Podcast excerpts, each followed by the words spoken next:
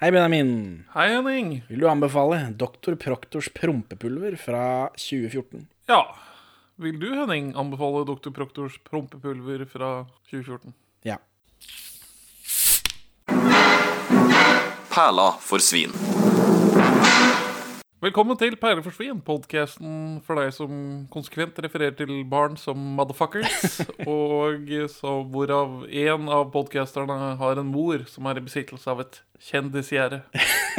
vi er to middelmådige menn i 30-åra som ser norske filmperler, og i dag så har vi sett en barnefilm, Dr. Proktors prompepulver. Det er, det er en god tittel. Den står ut. Den Det svinger. Ja, den skiller seg ut. Doktor Proktors prompepulver. Hvordan er historikken på Det er vel en britisk film som minner litt om denne, er det ikke det? Ikke som jeg kommer på. Thunderpants.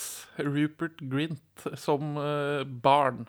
Å, nei, dette er uh, ikke peiling. Jeg har ikke hatt en Harry Potter-periode. Ah, nei, det er, det er bare en pre-Harry Potter, eller parallelt med den første filmen eller noe, film, tror jeg, med Rupert Grint, hvor han promper så mye at han får sånn spesialbukser etter hvert. Altså, filmen starter med at han liksom ligger og promper på et barnehjem eller noe. okay. Og så får han til slutt da prompebukser som gjør at han kan fly. Men dette er jo basert på en bok av Jo Nesbø, da, så kanskje det er eh, Jo Nesbø sin Ja, men er, jo- Nå har ikke er, jeg sjekka når den boka kom. er Jo Nesbø eh, bokekvivalenten av Thomas Giertsen? At han bare drar over dammen og Det er litt sent, da. 2014, liksom. Ja. Eller når filmen kommer. Jeg vet, vet ikke når den boka kom. Vet du, Jo Nesbø heter Jon Jo Nesbø. Altså, han heter Jon, og så er kallenavnet hans Jo. ja. Står det på Wikipedia. Jeg vet ikke om det er tull fra noen har kødda med Wikipedia. Ja, men uh, Jon er jo veldig, Jon er jo veldig langt, da. Jon Nesbø. Så blir det Jon Nesbø. Nei, det, det er ikke riktig. Denne, eller disse, begge egentlig, denne og den får en oppfølger rett etterpå, fordi de skjønner at her er det barn, vi må eh, kjappe oss før de blir for voksne. Eh, virker å være en slags tysk samproduksjon, begge to. Det, det er veldig mye sånn tyske fond på lista her, over liksom folk, og IMDb-karakternavnene er på tysk. Ikke de som har ordentlig navn, men når du kommer lenger ned, så er det liksom Schleifer, Slofer, Schleifer, sånn vaktmann eller et eller annet sånt noe. Ja, jeg, trodde de var delvis innpeilt i Ungarn eller noe. Ja, det er det helt sikkert, men pengene kommer fra Tyskland, da. Og hun patentkontordama virker å være en tysker. Og hun er jo med i den andre også. det er, så er det en sånn slipp Jimmy Free-ting gående her? Altså, fins det en, Ja, for, og det Er den spilt inn fonetisk på tysk også? på IMDb så er det kreditert en tyskerunge. Altså Oi. en tysk unge det er som stemme til Bulle. Ja. Men ikke noe andre som jeg så. Ingen andre har fått tysk stemme, eller det har de jo sikkert, men de har, de har ikke Han står helt nederst på cast-lista på IMDb, han eh, som dubber Bulle. Men det er jo fordelen da med å ha en tysk samproduksjon, er at de er såpass vant til dubbing at de ikke krever at hovedversjonen spilles inn på engelsk. Ja, og det er det er et ekstra publikum, da. Ja, det, Norsk film trenger publikum som veldig mye. Ja, men litt. denne filmen Jeg lurer på om ikke det var Norges mest sette, jeg, i 2014. Dette er Perler for svin-robåten, med en rettelse slash presisering. Doktor Proktors prompepulver var Norges nest mest sette norske film i 2014, bare slått av Burning, som er episode 37 av podkasten. Så det var en suksess når den kom. En film for hele familien. Ja, faktisk. Humor for både store og små. Ja, jeg vet ikke om humor for store var det vel ikke så veldig mye av, men det er jo designet og alt dette Det tiltalte jo meg også. Ja, den er krydret med litt for å holde de voksnes oppmerksomhet. Eh, Ja, det er en del ting her. Jeg vet ikke, så du den med noen denne gangen? Jeg så øh, denne med mitt øh, avkom. Fikk du forklaringsproblemer på noen av de tingene her? Eller var det ikke så nøye? De bare sklei over dem. Ja, det bare sklei over. Ja, men det er jo flaks. Måtte du forklare hva motherfuckers er for noe? Eller det, det vet de kanskje fra før av. De Eh, bruker det daglig. Vi, jo, vi hadde en liten diskusjon på banneord, for det er vel et annet banneord som droppes også? Ja, det er flere ting her som jeg syns var litt sånn rart for barn, men det dukker vel opp i notatene mine, regner jeg med. Så det, øh, Hun tok det ikke opp direkte tilknyttet til filmen, men vi, i løpet av filmen så måtte vi diskutere Diskuterte vi litt banneord. Nei, rett etter filmen diskuterte vi litt banneord, og det tror jeg kom opp i den sammenheng at hun hadde blitt påvirket av filmen. Ja. Og da sa hun konkret at jeg kan faktisk mange banneord, pappa, du trenger ikke å dekke over de. Uh, men jeg vet ikke hva M-ordet er. Jeg ble, hæ? ikke jeg heller. Det må jo være motherfucker hun, eh, eller morapuler hun refererer til. Men det kom ikke frem i denne samtalen hva e-mordet var. Du spurte ikke hva er e-mordet. Nei, jeg, jeg vil ikke eh, Du ville ikke kick the hornest nest. Eh, Ja, ja. Gøy for barn. Ja, Vi er hjemme hos deg i dag, forresten. det er vi. Filmen begynner på Akershus brygge, eller på Rådhuskaia. Ja, ja filmen starter veldig rart, da. Ja, for her sitter det da en mann og en dame på kaia, og de skal kysse, men hun er litt sånn sjenert, så han må lukke øynene. Og så kommer en svær jævla slange opp av vannet og skremmer dama. Og da er det bare han uh, Fatso som sitter igjen. Eh, Ja. Nils Jørgen Kålstad heter han. Ja. Han lager elektronikamusikk under navnet Sideshow Jøgge, og det er han som har laget stubbfilmmusikken i denne filmen her. Hæ? ja, og han er med i neste film også, ja. Eh, Men, men han har bare en sånn liten onscreen cameo, liksom. Nei, her sånn så er det vel fordi han har lagd denne stumfilmmusikken, og så er han sammen med Mariann Saastad Ottesen. Ja. Hvem er det hun spiller? Hun spiller mor til Lise. Ja. Uten at det, det syns, hun Det er mye ekstreme close-ups her, men ikke på henne. Nei, nei, hun havner vel i sekundærrollen av hennes foreldrepar. Det er én litt tydeligere karakter der. Ja, men så er det jo Det er jo liksom raringer alle sammen, da. Men det er kanskje hans vei inn i dette. Jeg vet da faen, jeg. Ja.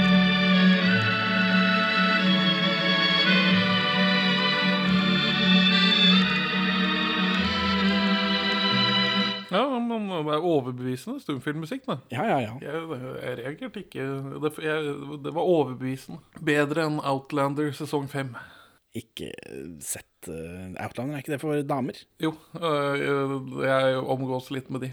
Ja, ja nei, det har jeg slutta med. Eh, men de, de har en episode som selv om det foregår på 1700-tallet, så har de en episode som foregår i stumfilm-flashback. Ja. Og da er det gjort med et sånt Instagram-stumfilmfilter. Bare sånn straight out of the box, og det ser helt forferdelig ut. Men det her har de fått det til. Her er det en hyllest til filmens spede begynnelse. Eh, det, men det kommer jo mye senere, da. Men det er han som har lagd musikken til det. Når ikke han lager elektronika under navnet Sideshow Jøgge.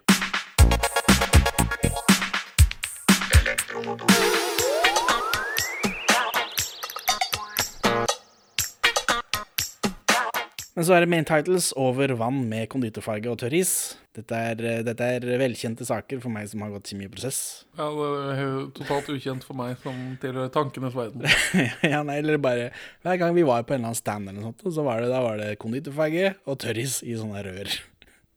For da ble folk imponert. Wow, å, se så fantastisk. Så dette er for barn. Og så er det en katt som spiser noe blått pulver, og så promper den katten. Og så fiser den katten gjennom huset, så vi får se dette rotete huset, og så eksploderer den ut av vinduet. Og det er siste gang vi ser den katten. Ja, da døde vel, da. Antar det. Og så får vi se et bilde av Kristoffer Joner og Marie Blokhus for lenge siden. For jeg tror det er Marie Blokhus som spiller denne Juliette Margarin. Ja. En hint til en dyp backstory. Ja, eller hint til noe, da. At liksom, her er det noe. Og, det, og de, tar, de tar det opp igjen i løpet av filmen, altså, som en ordentlig film. Så det, det er jo riktig. Ja, ja, kjempebra. Og så er det noe ark da, som blåser eh, i vinden gjennom et nabolag til en jente i et vindu. Og det arket er et sånt kjærlighetsbrev på fransk. Proktor er det eneste ordet hun jenta leser på det. Og så er det en sånn fransk musikk som går gjennom hele, som er laget for filmen. Det er Herborg Kråkevik som synger. Man skulle jo tro det var humor. En, at teksten, at teksten har et eller annet med promping å gjøre, men det vet jeg ikke. Nei, det har du ikke funnet ut av, nei. Nei, den heter Jegret Quoi Tres Re. Mon petit et bon docteur, j'ai besoin de ton aide.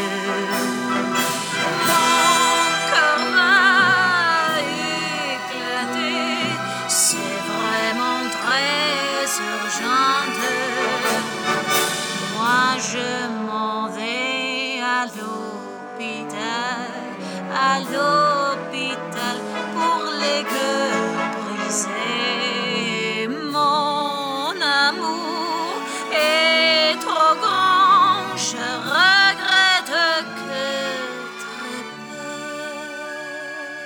Men den ligner for mye på den ene Edith Piaf-låta folk har hørt om. Non yene regret rien, til at jeg klarer å google opp hva det egentlig betyr, så jeg måtte spørre en fransk kvinne, og hun sier at det betyr I regret only a little. Jeg angrer bare litt, eller jeg angrer bare noe. Eh, og, men så Jeg klarer jo ikke å google teksten på låta, jeg, den, den fins ikke noe sted. Jeg finner, Herborg Kråkevik har ikke lista på Spotify, jeg finner ingenting. Så jeg har ikke, jeg har ikke fått sendt hele den låta til denne franskkvinnen for å høre er det humor dette, eller hva er det? Hei, det er meg igjen.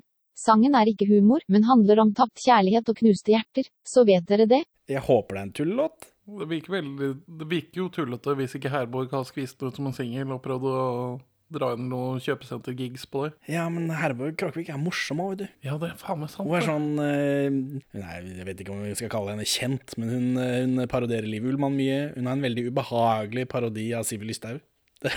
Ok, den har jeg ikke sett. Det jeg syns er veldig spesielt med Sylvi Listhaug, det er at hun smiler når hun sier grusomme ting. Ja, for, nei, jeg, jeg, jeg tenker jo på Herborg Kråkevik som liksom eh, den du tar hvis Sissel Kyrkjebø ikke møter opp. Ja, men hun er entertainer og humor, humorist. Ok, Så hun er litt nærmere um, Dolly de Luxe, liksom. Ja, men så driver hun med kåseri og dikt, og hun kan liksom være seriøs i tillegg, da. Eh, Ingar Helge Gimle, en mann uh, for din smak, regner jeg med. Han pusser en gunner, og så når hun, jenta kommer ned, hun heter Lise, så skyter han henne nesten. Ja. Og han har på seg en veldig sånn amerikansk type permuniform. Al altså, han, han er liksom ikke en norsk offiser. Han er liksom en sånn pastisj av en eller annen sånn amerikansk stereotyp. Han er en sånn Benjamin-type, ser jeg for meg. At han Ja. bare han soper til seg alt som har litt militær med militæret å gjøre, Han og så ikler han seg det. Han er jo kommandant på Akershus festning. Ja, de sier så, men jeg vet ikke om det og så sier de at jobben hans er å skaffe krutt til 17. mai-saluten. I alle yrker så er det jo folk man bare må gjemme unna et sted, og han har fått den jobben, da. Når man beviser at man er så ubrukelig, så får man liksom Dette er din jobb nå, vær så god. Er det ikke bevist at statlige organisasjoner har en tendens til å eh, kvitte seg med udugelige folk ved å, gi- dem forfremmelser? Jo, han er jo forfremma til kommandant på Akershus festning. Ja, med ansvar for kruttet til 17. mai. Ja. Så men det, det er det viktigste, da. eh, Kruttet til 17. mai-saluten. Og så har vi Mariann Saastad Ottesen, hun er mor, da, som nevnt. Eh, Hun begynner å stryke håret til Lise. Ja, de er litt strigla De er veldig, veldig hands on, men ikke så emosjonelt tilgjengelige. Er, er bildet som jeg får av Ja, denne de seg ikke. familiedynamikken. De bryr seg jo ikke så mye om dette barnet, men det er jo veldig, er, eh, veldig hardt designa, denne filmen. Ja. ja, for hun mora tar vel først og ser på hårene, og så tar hun og liksom radbrekker henne ned i bordet.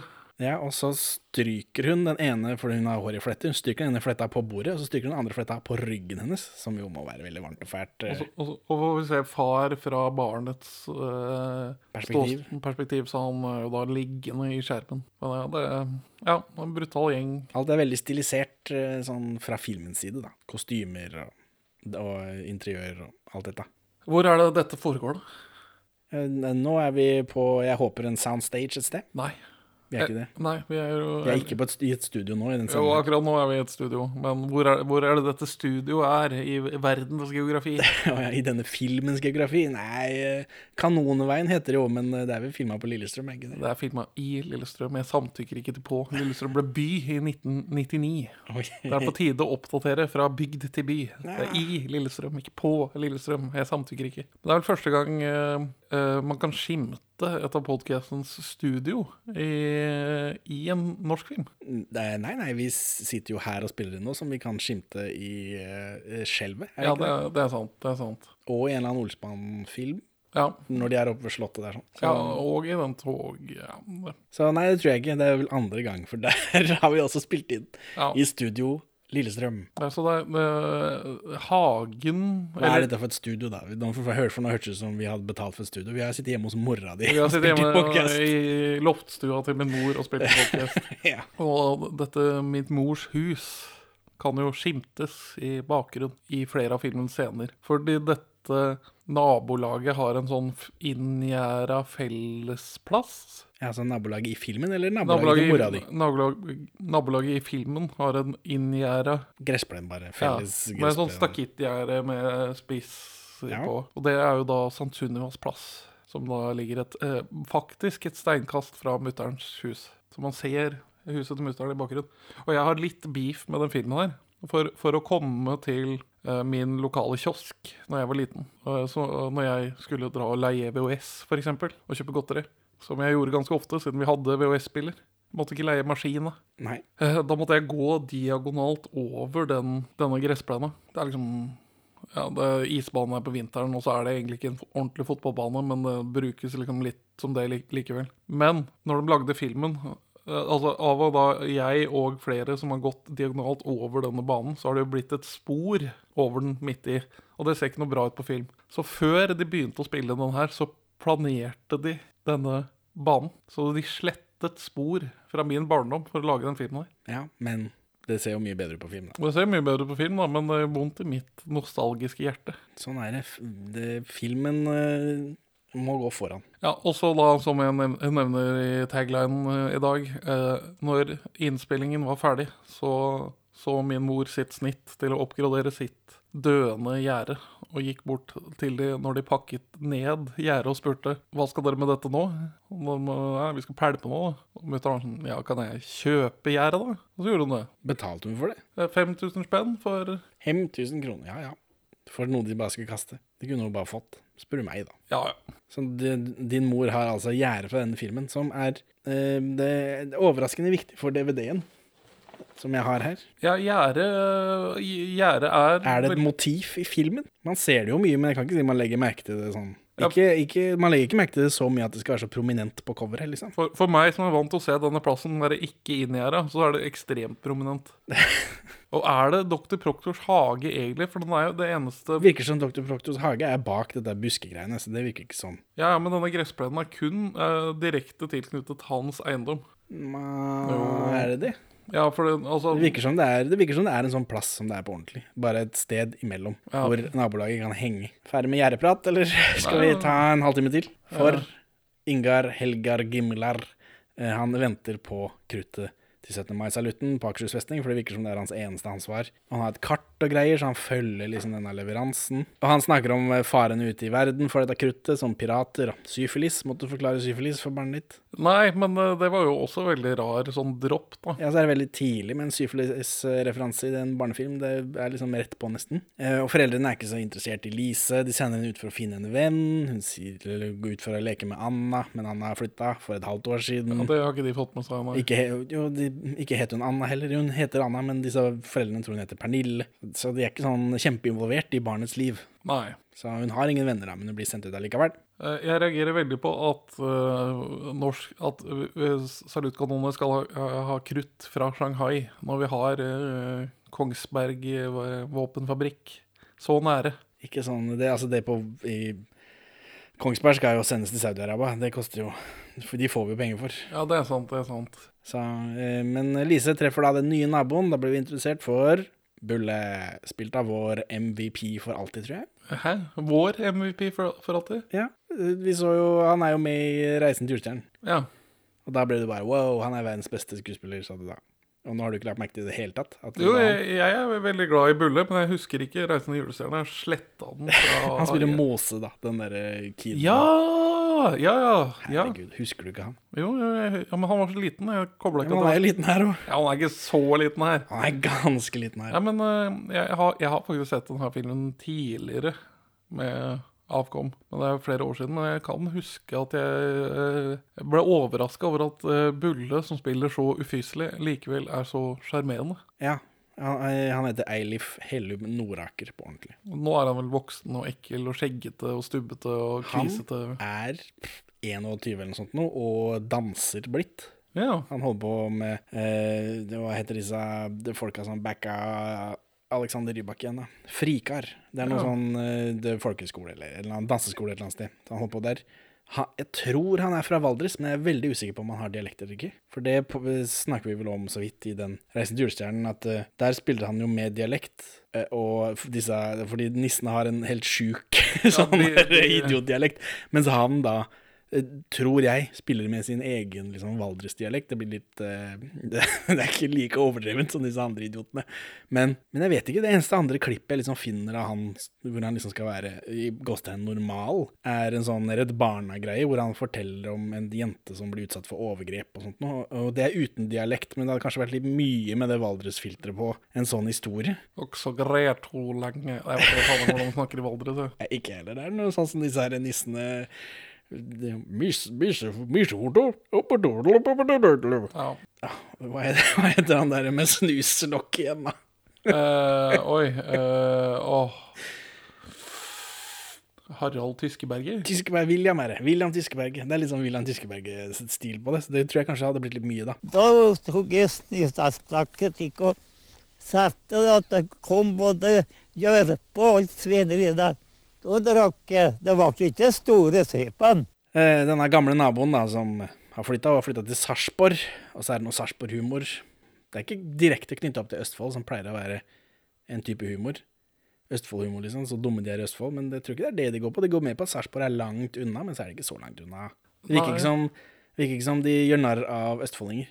Som Nei. jo er den vanlige formen for humor i norsk film. Men nå alluderer de vel bare da til å gjøre narr av østfoldinger. Mens de prøver å sikre seg kinokronene og ikke gjøre det for tydelig.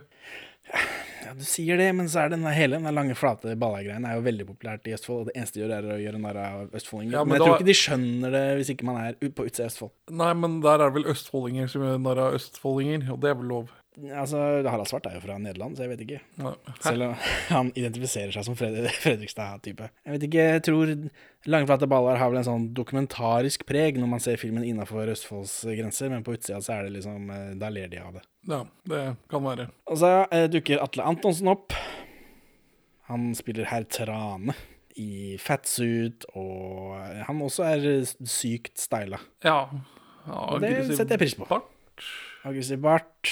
Han skal demonstrere en rustning for nabolaget, fordi han er tydeligvis oppfinner, da, og så har han for lenge siden funnet opp et eh, veldig hardt materiale som han har blitt rik på, og nå, har han, nå kommer det også i rustning. Ja, Så da- han eh, skal jo da rakettskyte barna sine, som har fått på seg den rustningen. Ja, med Han har et par fete tvillinger. Ja, for Atle Antonsen er nordlending slash trønder i denne, og barna hans er nordlendinger.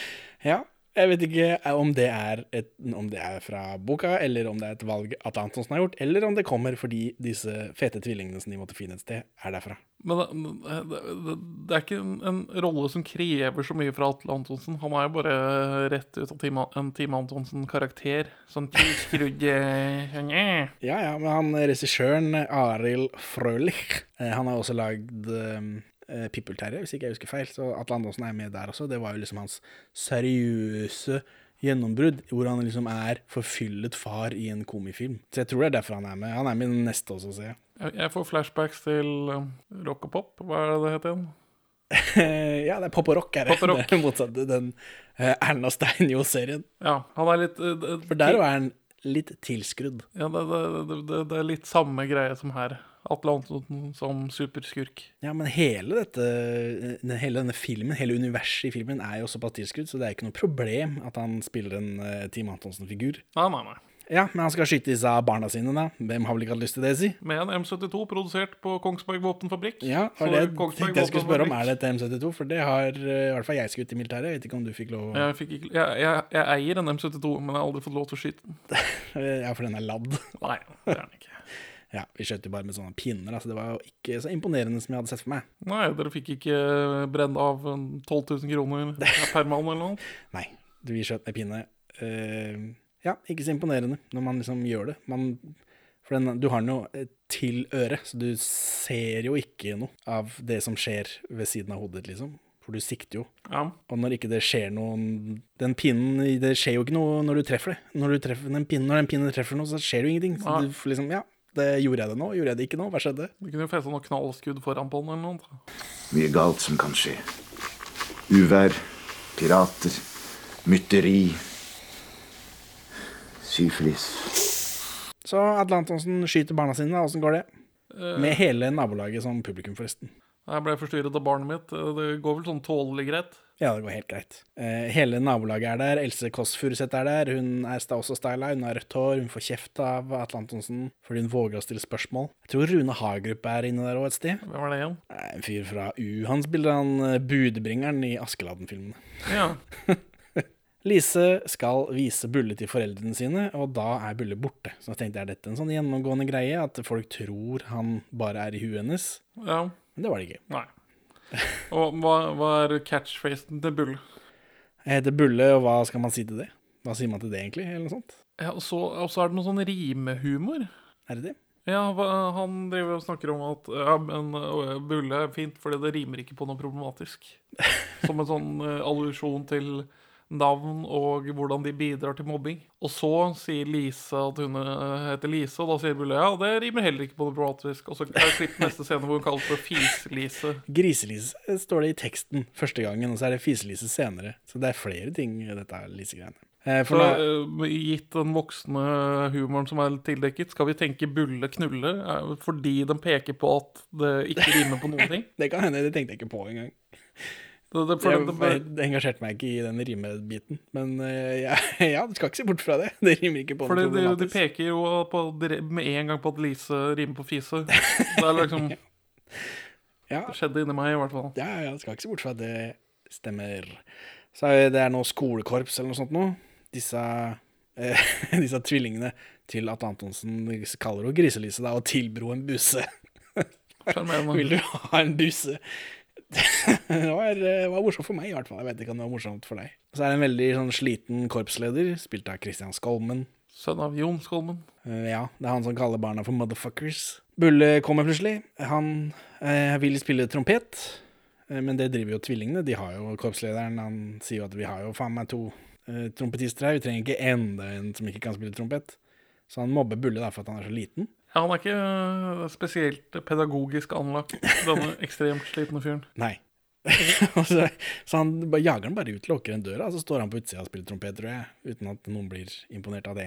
Ja, selv om han spiller uh, flott runketrompet. Ja, han spiller under medium, spør du meg, men Ja, jeg har ikke spilt i korps. Har du spilt i korps? Nei, nei. Uh, Lise er på vei hjem, og så kommer Bulle bare ut av en hekk. Humor, eller? Ja, de prøver å holde, deg, holde deg av balanse på om han skal være virkelig eller ikke. Ja, det, det kan hende. Her blir vi introdusert for konseptet Dr. Proktor, eh, som da er tittelen i filmen. Han er en gal oppfinner, og han bor der borte. Og så får vi liksom ikke se ordentlig, for det er bare en svær hekk, og så er det noe Jeg vet ikke om det er en sånn vindhane eller hva det er han har- har oppå toppen der.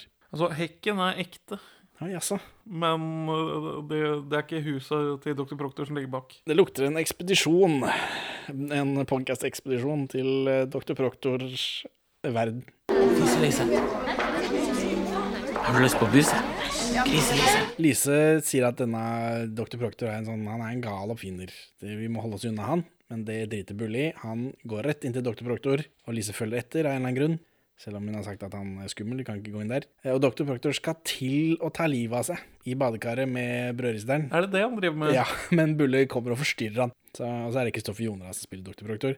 Det, det gikk ikke igjen hos deg og barnet at han prøver å ta livet av seg, så Nei. jeg tenkte ikke å forklare det. Nei. For han står i badekaret med brødristeren klar. Og jeg, jeg tror det, altså dette Så, kom- så kommer Bulle, og, så, og da kommer dette brødristgreiene. eh. Og nei, han står bare her og rister brødet sitt, og så tar han en brødskive, og så liksom Ok, ja, ja, for du må jo sette i gang brødristeren faktisk for at det skal funke. Men jeg vet ikke om man faktisk trenger å putte i brødskive, da. Ja, Det tror jeg ikke, men for filmens skyld så var det nei. skjedde dette. Ja, men eh, problemet med å se, eh, se ordinær film sammen med en sjuåring i dag, er jo at de er vant med veldig mye høyere tempo fra alle disse drittseriene de ser på. Så da blir det en del sånn babling i monitor. Det er jo ikke lavt tempo i denne. Ja, Det er mer hyling og scrolling i, i seriene. det vil jeg si. Ja, ja. Inne hos Proktor er det mer sjukt design, selvfølgelig, sånn som det skal være. Det henger en baguett på veggen. Proktor vil finne opp eh, pulver mot hårtap, men det ble prompepulver istedenfor. Så det virker som han er skalla, da. Han har alltid på seg lue og masse hår. Ja, han, Han ble har, skuffa over at eh, men, men det kom ikke noe hår, sier jeg. Det ble prompepulver istedenfor. ja, for han rocker vel en eller annen skelett da, under den hatten. Mest sannsynlig. Eh, han har også funnet opp et pulver som gjør deg selvlysende. Det er, liksom, det er det hans claim to fame. Han syns ikke det er så flott. Så det, det, det, er, det er vel det. Bulle vil prøve dette prompepulveret av en eller annen grunn. Altså ja, Hæ? Hvis jeg som barn blir introdusert for et pulver som skal få meg til å prompe, så vil jeg jo prøve Det er jo prøve ikke første tanken at du skal spise det. er det ikke det? Man må lure andre folk. Det var ikke sånn at du fikk en sånn prompepute, og så satt du deg på den. Jo, det er gøy å prompe. Jeg, først setter jeg meg på den, og så utsetter jeg andre for det. Ja, men jeg trodde meninga var å utsette andre folk for det. Dr. Proctor som karakter, hva syns du? Han er veldig fnisete. Han er den jeg husker minst. Ja, altså, jeg sliter litt med å Hvem er Dr. Proctor, liksom? Vet ikke, han, har ingen, han er i en så ekstrem film, sånn eh, utseendemessig og karaktermessig, så er han den eh, kjedeligste. Han, han, han finner opp ting. Han ser rar ut. Han bor i et litt sånn pippiaktig hus. Og så har han litt sånn Rogaland-dialekt. Og så Han, han har bart. ut av nesa. Det likte jeg ikke. Han har eh, bartehår og sånn hår som stikker ut, eh, og, i, ut av liksom, lua. Altså, masse vilt hår, inkludert ut av nesa. Og det nesegreiene, det, det var veldig forstyrrende for meg. Så, men Bulle prøver dette pulveret, da. Jo, men altså, vi får, blir jo introdusert for hva som driver Dr. Proctor. Det, Og det er kjærligheten. er den tapte kjærligheten. I 1969, så det er jo noen år siden, da. Det er jo 45 år siden. Ja, det- Hvor gammel er Dr. Proctor? For... Han har grått hår, og det er egentlig det. han har vel blitt forringet av en eller annen oppfinnelse da, på et eller annet tidspunkt. Det kan hende. Så, men Bulle har jo smakt dette pulveret, så han gir en kjempefis. Eh, Og så påpeker de heldigvis at eh, disse fisene ikke lukter noe. Ja, det gjør det veldig tydelig. Ja, og godt er det, hvis ikke så hadde det vært en veldig ekkel film. Ja. Eh, Og Lise syns pulver er en god oppfinnelse, mens han Proktor mener at det kan ikke brukes til noe. Og så får vi innklipp på en masse rare måter å fise på, som Lise da foreslår som bruksområder for dette pulveret. Et frieri til barna. Absolutt. Her er det sykkelpumper, hårføner, det er masse måter å fise på folk og fise på ting. Prompe inn i en slange så dekket eksploderer. Altså, det- er jo Hvis ikke det er humor. Nei, det er det ypperste av norsk humor. Bulle spiser mer pulver, og så da Han går bare rundt og fiser. Rundt i hagen der og fiser. Og så foreslår Lise at liksom, vi kan jo eh, selge dette til 17. mai. Det er liksom fising på 17. mai, eller smell på 17. mai, det liker folk. Og dr. Proctor sier vel et eller annet om at barn og litt mindre utviklede eh, ja, det er- og det er jo snart, eh, 17. mai. Det. det er en spennende turn of phrase. Ja. Eh, så, og Bulle fiser da så mye at han, liksom, han løfter seg selv opp i lufta, og så får han hull i buksa. Og så er vi hos Atle Antonsen. Han bor i Oscarshall, eller? Dette Ja. er filma på Oscarshall. Ja, for det, det Altså utsiden. Uh, Når man kjører uh, til Bærum fra Oslo Man ser det jo på Hva heter det, den halvøya der? Bygdøy? Er det Bygdøy? Bygdøy er noe. Det er sikkert eh, på Bygdøy. Men eh, når du kjører forbi den der eh, gamle eh, tollhuset, så ser du jo det flotte slottet som ligger der. Ja, og det er den. Ja. Ja. Ja. Jeg, jeg visste ikke at det het Oscarshall. Er det bygd til den norsk-svenske unionskongen Oskar? Det kan hende. En av dem. Er den. Oscarsborg et annet sted. Ja. Ref. Eh, Excel-TV, hvor de har med seg dette radioprogrammet ut i en snekke, og de har en eller annen gjest som skal til Oscarsborg og holde foredrag eller noe sånt noe. En eller annen sånn seriøs gjest, og så sier han eh, Espen Thorsen at ja, men det går bra, vi kan bare slippe deg der, liksom. Vi kjører og snekker. Fordi han tror det er Oscarshall. Ja. Vi kjører oss ned i Oslo, for du kan bare ikke slippe deg der. Mens Oscarsborg er jo et helt annet sted. Det Det er ligger ligger litt lenger ut i fjorden. Ja. Bitte litt. Uh, fikk jeg klemt inn en Excel-TV-referanse i dag òg, fy søren. Uh, Atle Antonsen bor på Oscarshall, ja. Men det er da klippet inn til at det ligger i Lillestrøm. ja, for det ser ut som det ligger en, eller på, på en av kantene til dette, denne plassen med det gjerdet ditt. Antonsen har masse utstoppede dyr på kontoret, og så står han i heisen, for han har sånn litt sånn hemmelig heis, og plystrer ræva. For han er jo, hadde jo en runde der hvor han skulle være sånn flink til å plystre fyr. Han har jo plystra sammen med Kringkastingsorkesteret. Han har også plystra med Equises. Equises. Spør mamma om penger. Stå på hjørnet og henge. For vi er barnslige mennesker. Så lenge vi lever. Så Antonsen står i heisen sin og plystrer ræva. Jeg vet ikke om det er en kommentar til hans tidligere karriere som uh, plystremann. Tror det. Jeg tror det skal være noe metavits. Og nede i kjelleren eller noe sånt, så har Atle et sånt stort kontrollrom som han spionerer på Dr. Proctor med. Ja, veldig sånn Tsjernobyl-aktig kontrollrom. For bare for ett kamera han har inne hos Dr. Proctor, eller? Ja. Og så begynner det Det minner litt om sånne eh, sci-fi-serier på NRK. Hvor man har bare lånt et faktisk kontrollrom Ja. fra et eller annet sted. Og her får vi se da at Dr. Proctor han liksom danser rundt i fransk musikk. Han spiller litt orgel, satte vi sikkert pris på, regner jeg med. Sånn L-orgel. Mhm. Og her, vi skjønner da at uh, Atle Antonsen har stjålet alle oppfinnelsene sine fra Dr. Proctor. Han er ikke en ekte oppfinner, han er bare en tyv. Og så får vi se Dr. Proctor tenne på en fis, uten at det har noe for plott å Ja, gjøre. for det eh, For han har bare tatt seg en liten bump av eh, prompepulver, eller er det bare han må prompe? Ja, for, for hvis Jeg, jeg, jeg, jeg syns det blir rart at, uh, at prompen du får av prompepulveret, skal være både luktfri og fortsatt antennelig. Om det er jo masse gasser som er luktfri luktfrie og antennelige. Ja, dette vet jo ikke jeg, som ikke har gått prosesskjemi. Nei, men uh, propan for eksempel, Det blir tilsatt lukt for at Ja, du skal kunne det er merke sant, at det. det er lekkasjer. Altså, øh, så av sikkerhetsmessige grunner så burde Dr. Proctor tilsatt noe i pulveret sitt for å gi Så du får lukt. Hva heter sånn markørlukt, eller det, det er et Ja. eget ord for det? Ja, det, det kan stemme. Eh, Bulle eh, eh, Han har med seg noe prompepuller på skolen, men Lise eh, er liksom litt flau for dette, av en eller annen grunn. Ja, Selv om det er hennes idé å selge det. Ja, øh, men filmen er litt sånn er litt sånn schizofren på hvorvidt den skal fremstille henne som eh, mobbeoffer eller ikke. Jeg vet ikke, Det er kanskje personligheten hennes Bulle er jo ekstremt utadvendt, Ja. mens eh, Lise er ikke, hun er ikke helt liksom bak mål, men hun er litt mer beskjeden, kanskje. Bitte, bitte litt. Bulle har jo en sånn fremvisning av dette prompepulveret. Ja, Bulle er vel tilnærmet uniformert, øh, nesten, hvor stilisert han er. Ja, ja altså, han ser jo veldig Han ser jo ikke ut som noe annet menneske, men det er det få i den filmen her som gjør. Bulle spiser han og pulver, alle blir imponert over denne fisen. Uh, Men de skal først selge det på lørdag. Det syns jeg var rart. At de har sånn fremvisning, og så bygger de hype over flere dager. liksom. ja, men det er sånn Spread the word, man. ja. Du må liksom tease det ut, og så blir alle jævlig gira. Eh, og her får vi flere slagord til podkasten. Perle forsvinn. Spis is, slipp en fis. Har du rumpe, kan du prompe.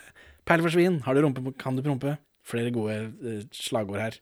Og så har de utsalg da i hagen til Dr. Proktor, og så selger de ut. Tomt. Så de selger absolutt alt pulveret. Absolutt alt. Ja, og eh, når Bulle har med seg pulver rundt til egen bruk, så oppbevarer han det i den ene sokken sin. Ja. Det, det er narkotikahumor, er det ikke det? Hvor skal han ellers ha det? I lomma? Ja, dette er narkotikahumor, at Bulle liksom har det Ja, men det viser seg at det er ikke så dumt, for han, må jo stadig, han blir jo stadig liksom forsøkt rana. Ja, nå har Dr. Proctor lagd et hardere pulver, så Bulle kan fly med fis. Og Bulle tar altfor mye pulver. Han har en eller annen diagnose, tror jeg.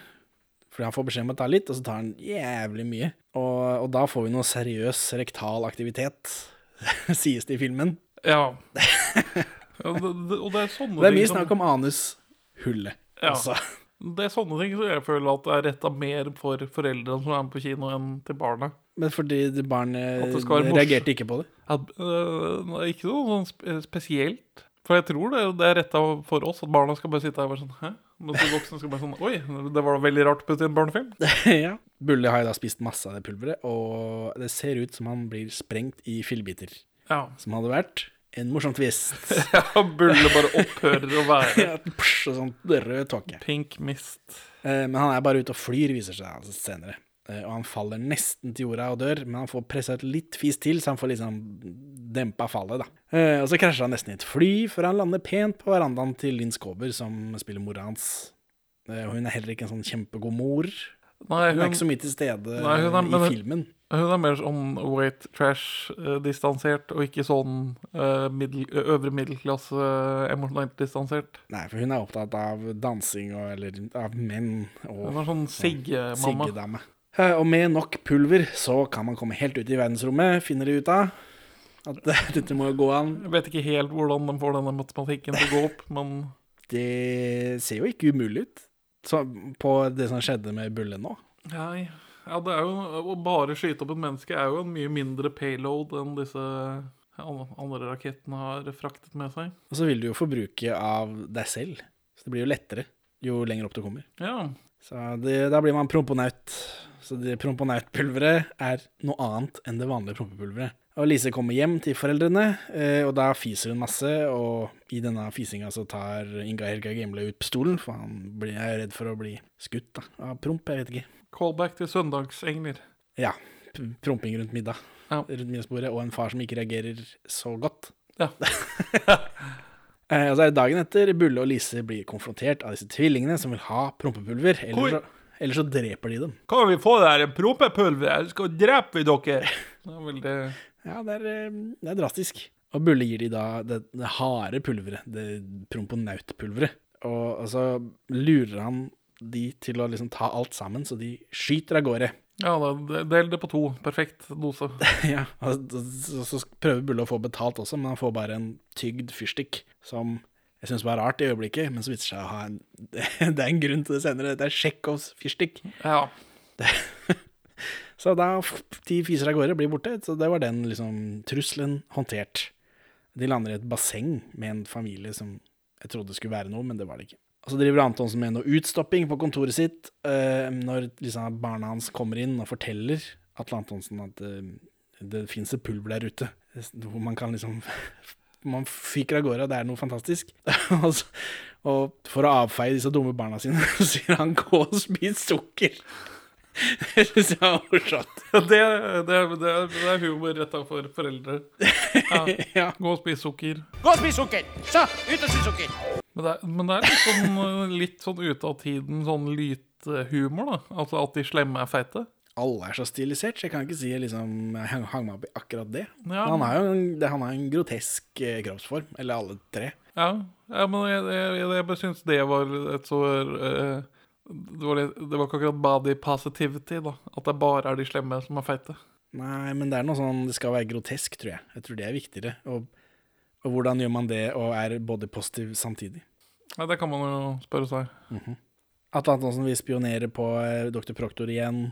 Eh, For han har dette pulveret, han må jo finne av det. Men Bulle er også med inn i laboratoriet der nå, og Lise selvfølgelig. da. Eh, Han vil prøve motorsykkelen til Dr. Proktor.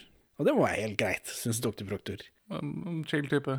Og når han liksom prøver på dette, så søler han masse olje på kameraet til Atle Antonsen, så Atle Antonsen får ikke sett mer. Nå er liksom All hans suksess er nå borte. Dr. Proctor forteller nå kommer en exposition, forteller, om barna, eh, forteller barna om hans store kjærlighet, Juliette Margarin, som han traff da han studerte i Paris. Margarinhumor. Jeg vet ikke, det er fordi de eldste av foreldrene som er med på kino, tror jeg. Og her kommer dette flashbacket da, i sånn sort-hvitt stumfilm. Eh, Paris 1969. Det er det pysete at ikke de tok 68. Å, At ikke Dr. Proctor og Juliette Margarin var studenter i Paris i 1968. 68 har du hørt om, mener jeg. ja, det har jeg, men uh... Det er jo en generasjon som springer ut av alle ungdomsopprørene. Da først og fremst kjent fra Paris, men det var jo overalt. Hvor de jo er forbanna.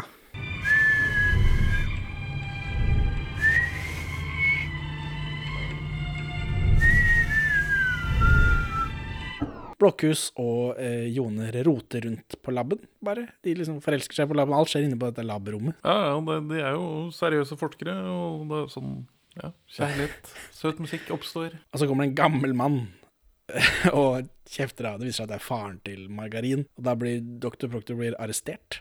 Ja, det eskalerer fort, det her. ja. For Det hadde gitt mer mening enn var i 68. Ja, om han var en opprørsleder også, eller? Ja. Ja. Så, men hvorfor har de da valgt 69? Er det fordi det er et morsomt tall? Nei. Ja, men hvorfor har de da ikke ikke. tatt 68? For alle, det, er jo, det er jo 68 som er kulminasjonen av ungdomsopprøret på 60-tallet, er det ikke det? I- Jo Du må høre med Jon Jo Nesbø. Jeg tror det er sånn appell til foreldrene med morsomt tall. 1969 er det så gøy. 19, altså, Du lo og lo. Dattera di kunne ikke forstå hvorfor far syntes det var så morsomt. Nei. Eh, eh, Dr. Proctor blir arrestert, og så blir han sendt hjem på et sånt skip i snøen. Morsomt. ja, det, det, dette her gjør jo ap med fransk kunstfilm, gjør det ikke det? Jo, og det er liksom med det stumfilmfilteret på, så er det liksom ikke så verst. Det er ikke så dumt. Og eh, filteret er såpass godt at jeg nesten skulle tro at de har en eller annen 8 mm-entusiast. Det blir jo enda et lag liksom removed fra virkeligheten. Altså det, det gjør seg enda bedre. Og så er vi tilbake i virkeligheten, i filmens virkelighet. Eh, og han sier at, eh, Dr. Proctor sier at eh, faren til Juliette har lovet at de kan bli sammen om han blir rik og berømt. Det er det som driver han, da. Ja, men lever han faren i det hele tatt fortsatt? Skulle ikke tro det. Han skuespilleren døde jo ikke så lenge etterpå. Så da, Ja, hvem er det skådisen? bare en fyr han spiller i Jakten på Nyrstein, blant annet. Ja. Eh, og så kommer Bjarte Tjøstheim for å arrestere Dr. Proctor for å selge ulovlig pulver til barn. Ja, og, og nå får vi en veldig hard parodi av norsk politi i norsk film. Ja, for denne filmen er ACAB. Ja, det er nok er veldig, veldig ACAB. Ja, det er en annen fyr som er med Bjarte Tjøstheim, men han har jeg aldri ja. sett før. De er trøndere, eller ish. De har noe greier. De har noen stive dialekter, i hvert fall. Ja. Ja, De er vel litt sånn nynorsk-type, når jeg tenker meg om. ja, det tror jeg. Eh, Det er eh, Atle Antonsen da, som har sladra. Eh, Tvillingene er gipsa inn 100% fordi de har blitt utsatt for dette pulveret, sier han da til politiet. Bulle ble også arrestert. De arresterer barn. Ja, for, for, Her. for langing, da. Ja. Det er dette med å selge pulver til barn. Det er ikke, det er ikke lov. Eh, Antonsen gjør en sånn eh, hold på såpestykke-vits. Gjør, gjør han det? Ja. Ja, ja. Hva, hvordan, hvilken vri tar han? Hold på såpestykke. Vi snakker om eh, voksne ting alluderes til i den filmen her. Det er vel sånn humor tror jeg ikke er lov lenger, på hvert fall ifølge internett. Nei, det er sånn... At sånn det liksom er ikke så gøy, ja. dette å bli voldtatt i fengsel. Det er, det er en uting. Ja. Det, vi har, vi har eh, vokst som sivilisasjon. Siden 2014. Kan ikke bruke det til noe. Det, det er jo bare meningsløse smell. Ja, men hvem er det som liker meningsløse smell mer enn noen andre? Barn! Og sånne litt eh, mindre utvikla voksne. Når eh, politiet har dratt da, med fangene sine, så tar tvillingene av seg gipsen i helhet. Så det var bare lureri. Dr. Proktor og Bulle blir tatt til fengsel. Eh, som, gjennom den, de gule husene er vel på Akershus festning, er ikke det? Jeg tror det. Og så er det gjennom et renseanlegg. Ja. Eh, Oset renseanlegg. Kan fort uh, se for meg at det kontrollrommet tilhører dette renseanlegget. Det kan hende, men det var veldig sånn stilisert igjen. Det var ingen dører der. Ja. Det, er, det er det i kontrollrom. Men dette var Ose renseanlegg, som ligger oppe ved Kjelsås der. Der jeg søkte på jobb, fikk ikke. Ingar Helge Gimle er ute og kjører jeepen sin. Han tenker mest på dette kruttet, da. Eh, når Lise prøver å liksom forklare at eh, Bull er arrestert, Dr. Proct er arrestert. Ja ja, whatever, kos og klems og alt det der, og så kjører han bare av gårde. Så det er ikke noe hjelp å få hos Nei, han foreldrene. er, han er opptatt med sitt samfunnsoppdrag. Ja. Lise prøver å få hjelp av mora til Bulle, men hun er opptatt i telefonen. Uh, hun er sliten alenemor, så hun bryr seg ikke. Eh, Sigge i neglisjé opptatt med det òg. Ja, gjenkjennelig. Det er sånn Det er, sånn, det er slitsomt å være forelder. Men jeg liker- Nå er jeg bare glad, jeg er bare glad han er borte, sier hun. Men jeg liker eh, Linn Skåber, da, så jeg blir glad hver gang hun er på kamera i denne lille rollen sin. Atle Antonsen kjører rundt og snakker dritt om Dr. Proctor og pulveret hans gjennom en høyttaler på taket av bilen sin. Ja, for hva slags nabolag er dette egentlig? Jeg veit ikke. Det er et eh, lukka system. Ja, det, det føles som som sånn gated community. Ja. Elise prøver å rope tilbake, da. Motbekjempe denne fake newsen, eh, men til ingen nytte. Og så drar Elise hjem til dr. Proktor og roter rundt i tingene hans. Og der sovner hun tydeligvis. Hun har jo ikke foreldre som bryr seg så nøye. Og så er vi hjemme hos Atle Antonsen. Det er lyn, og det er torden. Han og tvillingene skal stjele promponautpulverformelen. Eh, og det virker ikke som disse tvillingene er pro stjeling akkurat her, men så eh, går ikke det videre. Da er de liksom, det er gøy å være med far på jobb. De er ikke blitt helt korrumpert av far ennå, men så ja. Ja, Det er bare en Det er jeg som tolker det av én setning, men jeg tror ikke det var meninga i filmen. Hm. Så da bryter de seg inn da hos dr. Proktor mens Lise er der. Dun, dun, dun. Hun kommer seg unna da før de ser henne. Hun gjemmer seg bak denne tavla eh, som formelen står på. Så Antonsen tar bilde av formelen, og de er jo tjukke og liksom knoter rundt, da, som tjukke folk gjør. Kjenner meg igjen. Ja, stor, stor humor. Bokstavelig talt stor humor. I fengselet så våkner dr. Proktor med en rotte på brystet. Det, han er ikke så fan av rotter. Brutalt det fengselet her, da. Altså, Ja, veldig. her eh, Det er uh, Det er camp. Det er sånn sci-fi-film fra 70-tallet celle. Ja, det er glatte vegger. Hva de kaller det? Dødshølet eller noe sånt når de døtter dem inn. Ja, Eh, Bulle tar bare bort den rotta da, og Proktor er stiv av skrekk.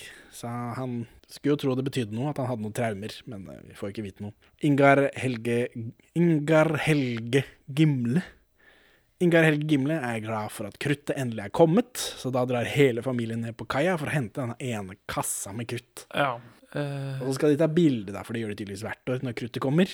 Dette er hele, hele Ingar Helge Gimle. Hengar Helge Gimlerars eh, eksistens dreier seg om dette kruttet som kommer en gang i året. Hvem er det som leverer dette kruttet, da? Det legger jeg merke til. Å ja, eh, mulig jeg har hallusinert det nå, eh, fordi det føles så merkelig. Men dette kruttet er kommet fra Shanghai, jeg, så jeg mener å huske noen sånne Kina-hatter. Altså sånn rismarkhatt på Det var noen asiatere, men det, jeg bare overså de. Ja, men eh, det, Som man skal med asiatere. Ja, eh, eh, men det bare, det bare virka så veldig seint med den type Altså at du stiller forstår- du skal forstå det her fra Shanghai. Ja, at du skal stilisere asiatene dine tilstrekkelig for den filmen her. Det ble litt, det ble litt tonedøvt. Det er jo ingen mørkhude det her, og det skal vi kanskje være glad for. Ja, ja for de hadde bare blitt tilskrudd Ja, de hadde kommet med liksom eh, ring i tommeltoa. Ja. Den type med svære sånne tallerkener i leppa og ring i nesa og bastskjørt. Ja, men men for jeg, jeg, jeg hallusinerte ikke tid. De hadde på seg sånn eh, rishatt, hadde de ikke det? Mest sannsynlig, og jeg er bare så vant til det at jeg har ikke lagt merke til det. Men det var en asiater her som pekte etterpå. Um, Gojira! Gojira! Ja, nesten. Fordi nå skal de liksom ta bilde av dette kruttet, og Lise må sitte på den kruttønna, den kruttkassa, mens eh, far Ingar må hjelpe Mariann Såstad Ottesen med kamera, og da kommer faen meg den slangen igjen, som vi hadde helt glemt. Ja, eh, hæ? Ja, det var en greie. En stor eh, CGI-anakonda. Ja, faen, det var dette den uh, filmen begynte med, ja. Uh, og den svelger da tydeligvis både Lise og kruttet. Nedtur for han eh, kommandanten. Ja, dobbelt tap. Jeg tror han er mest interessert i det kruttet, faktisk. Bulle og Proktor ser da eh, på denne rotta, eller Bulle skjønner at eh, hvis den rotta kommer seg inn, så må den jo komme seg ut, og da kan jo vi komme ut den veien også.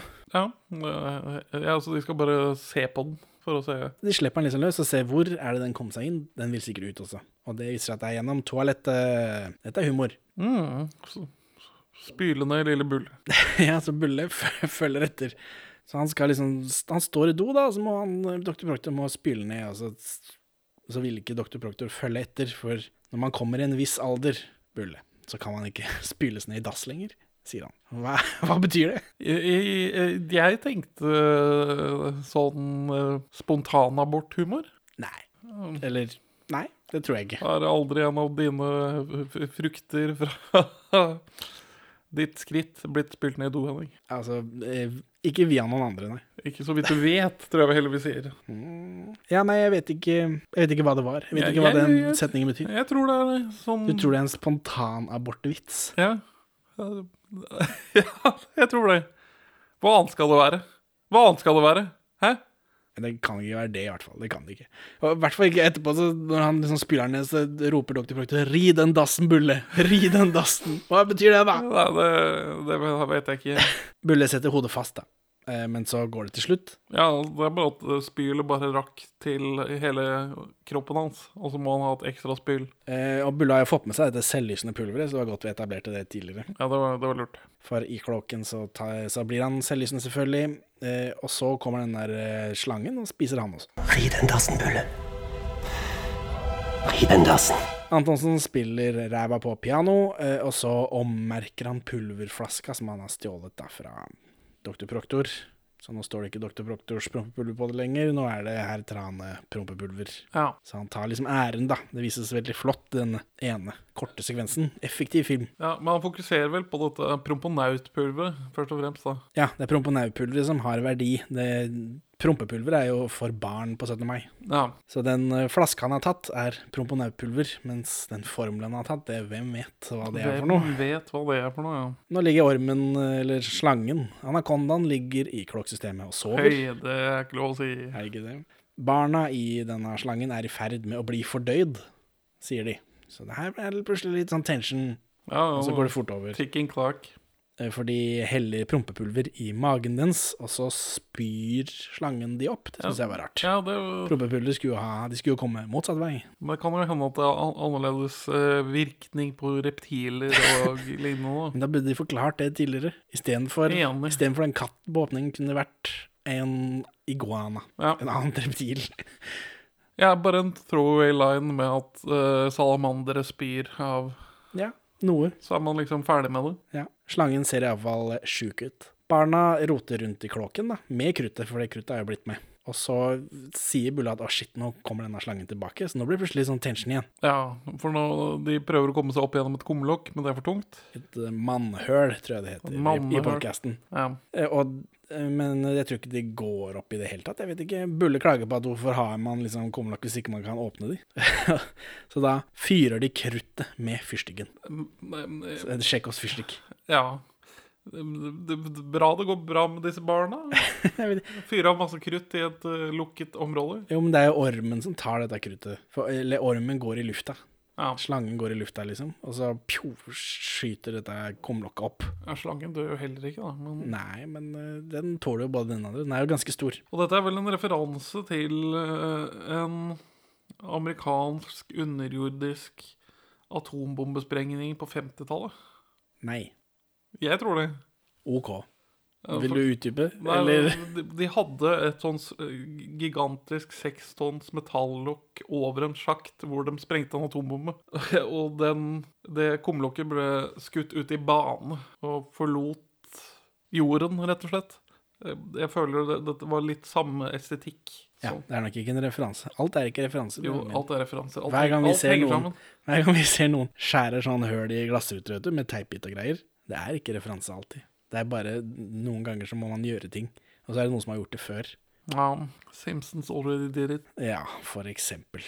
Men eh, nå driver Atle Antonsen og skal demonstrere dette promponautpulveret. Eh, og barna er der også. Og Antonsen fiser av gårde da, og så faller han ned med fallskjerm. Så han har jo tenkt hakket lenger enn eh, Dr. Proktor. Han er jo generelt sett bedre enn Dr. Proktor på å utnytte Dr. Proktors ideer. Og nå er vi plutselig i et sånt klasserom eller noe sånt nå, eh, for at Antonsen skal liksom vise Han skal lage denne formelen for patentkontoret og NASA, som han er liksom Ja, for de er kjempeinteressert i Selvfølgelig, det var jo det som var planen til Dr. Proktor også, bare at han klarer ikke å sette ting ut i live. Han er en ideas man. Og eh, barna står og ser på, men Lise ser ut til å vite noe. Hun har et ess i ermet. Eh, For de står og ser på et sånt observasjonsrom, kontor. Elise løper da inn eh, til Antonsen og sier at han har stjålet alt han har laget. Liksom, lag den formelen, da, hvis det er så lett. Lag det prompepulveret da, foran oss her. Og at Antonsen tror at han har riktig formel. Men det viser seg at Lise har kødda med tavla, så hun har snudd den rundt på den sida hvor det er vanlig. Sånn 17. mai-prompepulver, ikke proponautpulver. Ja. Så når Atle Antonsen da lager det pulveret som han tror han kan For han er, så han er, han er kapabel til å gjøre dette greiene også. Til å sette det ut i livet. Han kan bare ikke finne opp formelen. Så tar han masse av dette pulveret, og så er det bare promp. Det er bare vanlig promp. Han klarer ikke å lette. God gammeldags promp. Så han rømmer da fra politiet. Han hopper over verandaen med fall fallskjermen, og det tror jeg er litt for kort. Litt, eh, bitte litt. eh, Han setter en verdensrekord i laveste basehopp. Halo. Nei, ikke Halo engang. Det er l- l- Lalo. Eh, low altitude, low, low opening. Ja. Halo er jo high altitude, low opening. ikke sant? Du hopper fra veldig høyt oppe, men åpner veldig sent. Eh, så han hopper ned fra verandaen der sånn. eh, Dere berger seg tydeligvis med fallskjermen. Eh, så hopper han ned i dette kumlokket, mannehølet. Og de politifolka løper etter, og når han liksom blir borte i kumlokket, så bare Nei, da er problem løst. Ikke noe å se her. det, det er veldig acab. ja, det er liksom, da føler de at de har løst det. Eh, Men siden Lise da liksom har vist at han er eh, slaskete, så slipper Dr. Proktor ut av fengsel. Og NASA er veldig fornøyd da, med liksom proponautpulveret. De har jo nå fått det vist frem av en slusk. Føler liksom at Antonsen har gjort jobben til Proktor her. Ja, og de, de kunne hatt et veldig vellykket samarbeid. Det. Ja, det virker ikke som Antonsen er så interessert i å dele. Nei. Eh, Atle Antonsen er jo nede i klåken der, da, og så blir han tatt av den slangen. Og akkurat før det så får vi et sånt Et umotivert flashback til da han var barn og spylte ned en slange i do, som da er denne. Ja, for hvorfor spiller han den slangen? Han var Fordi han er slem, bare. Ja. Jeg tror den uh, Atle Antonsen som barn tror jeg er spilt av sønnen hans. For han, De deler iallfall etternavn. Ja. Han Sønnen hans er vel sånn skuespiller nå, er han ikke det? I Rådede Bank eller et eller annet. Det eh, kan noe, en eller annen råneserie. Eh, det syns jeg var Det kom ut av ingen steder, liksom. Ja, men det, det, det forklarer altså, Vi har jo spørsmål retta til den der jævla Hvorfor den slangen er med i filmen i det hele tatt. Ja, men Ja. Ja. Det går bra. Det er barnefilm. Han får høster i hvert fall fruktene av sin tidligere ondskap. da, Så er det 17. mai. Eh, de har jo ikke krutt, så gardistene må skyte prompesalutt på festningen. Og det fungerer like bra. Alle er liksom fornøyd med det. Ja. Humor. Kjempe, kjempestor humor. Eh, og så tar denne eh, Så tar Dr. Proctor motorsykkelen sin, og så heller han prompepulver på, og så flyr han til Paris for å finne den store kjærligheten. Film slutt. Ja, eh, som, Den slutter litt som Tilbake til fremtiden. Ja. Well, Doc forsvinner ut. Jeg så gjennom eh, For dette er jo, hadde jo vært en typisk eh, post-credit-scene-film. Men nei, det er ingenting. Nei. Så Benjamin, hvorfor vil du anbefale Dr. Proctors prompepulver fra 2014? Det er en helt uh, greit, søt og engasjerende, teit, liten, stilisert barnefilm. Moro for hele familien. Den er tilstrekkelig teit og eh, sammenhengende nok til at uh, dette går det an å se på. Så Henning, hvorfor vil du anbefale Doktor Proktors prompepulver fra 2014? Jeg liker fargene, designet, at alt er liksom så sjukt høyna. Og da trenger ikke skuespillerne å spille realistisk i gåsetegn, sånn som vi pleier å mobbe de for. Ja. Så da, liksom, da funker det. Selv Else Kåss Furuseth sin realistiske i gåsetegn spillestil her. Det, hun har jo ikke mye hun skal ha gjort eller sagt, men hun har jo noen replikker. Og hun er jo ikke den beste, men det funker liksom fordi hun har rar parykk, og alle er rare rundt henne. Så, så er det gøy og oppfinnsomt, eh, det meste her. Jeg ser for meg at barn liker det.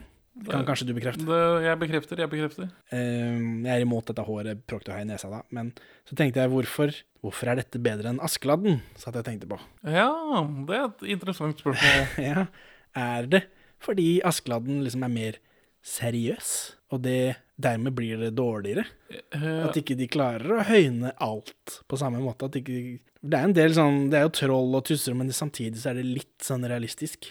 Ja, for Askeladden prøver å ha den derre Dette kunne skjedd i virkeligheten-opplegg.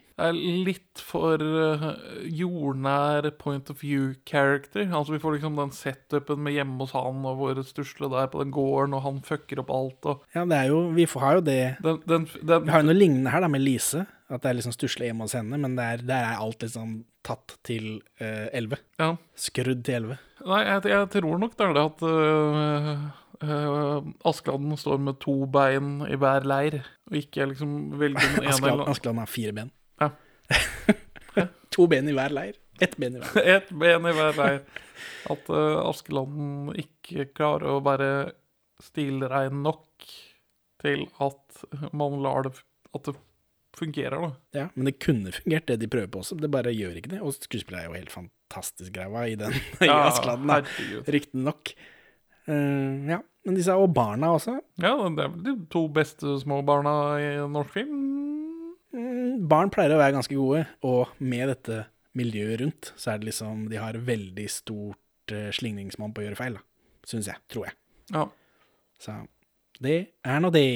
Ha det bra, Benjamin. Farvel, Henning. Takk for at du hører på Perler for svin. Du finner oss først og fremst på perleforsvin.no, men også på Twitter under perler-for-svin, Facebook som perleforsvinpod, eller du kan maile oss på perleforsvinpod at gmail.com. Gi oss gjerne en eh, rating i din lokale podcast-avspiller, og, og legg igjen en beskrivelse, så folk skjønner hva det er for noe tull vi egentlig driver med. Her er ukas Pål Bang-Hansen-sitat ute av kontekst. Og filmens produsent har kommet på den ganske lure idé å la brødre spille brødre. Bare en teskjepulle. Motsatt. Oh, mamma.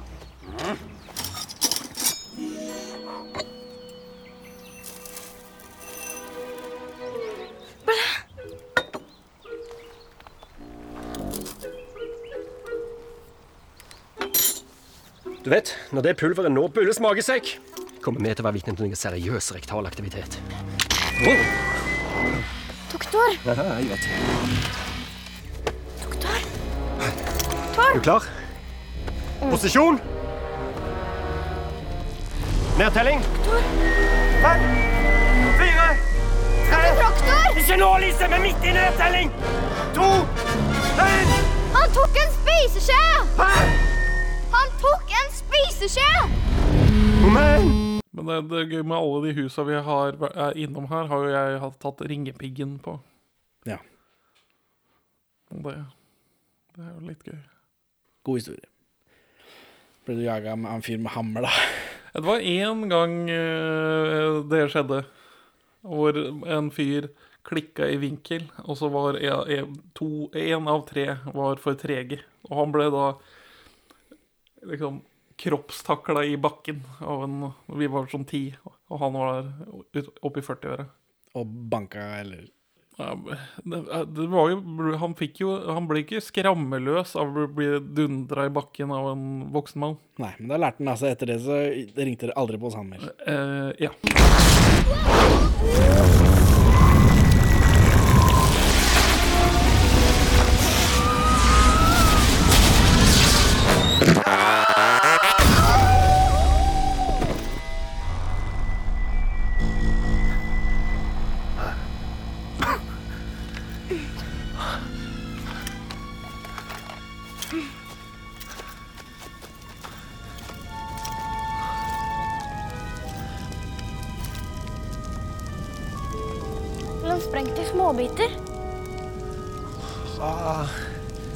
Ha-ha-ha-ha-ha-ha. Hvorfor gjør vi ikke det? Hvorfor varmer vi ikke opp stemmene våre som proffer til vanlig? Fordi vi skal snakke i fem timer. Ja Så det er på en måte varma opp etter hvert. Ja, det er sant. Det er sant. Men øh, om vi ikke skal bli Så det er litt sjarm med den der nedpå-kjipe stemningen vår, er ikke det? Ja, det er vi liksom er litt Det er litt sånn eh, Det er litt eh, tungt arbeid, dette, da. Det har, har jo blitt en av podkastens kjennetegn etter hvert. Å ha en sånn monoton, sliten type med. Flyvele!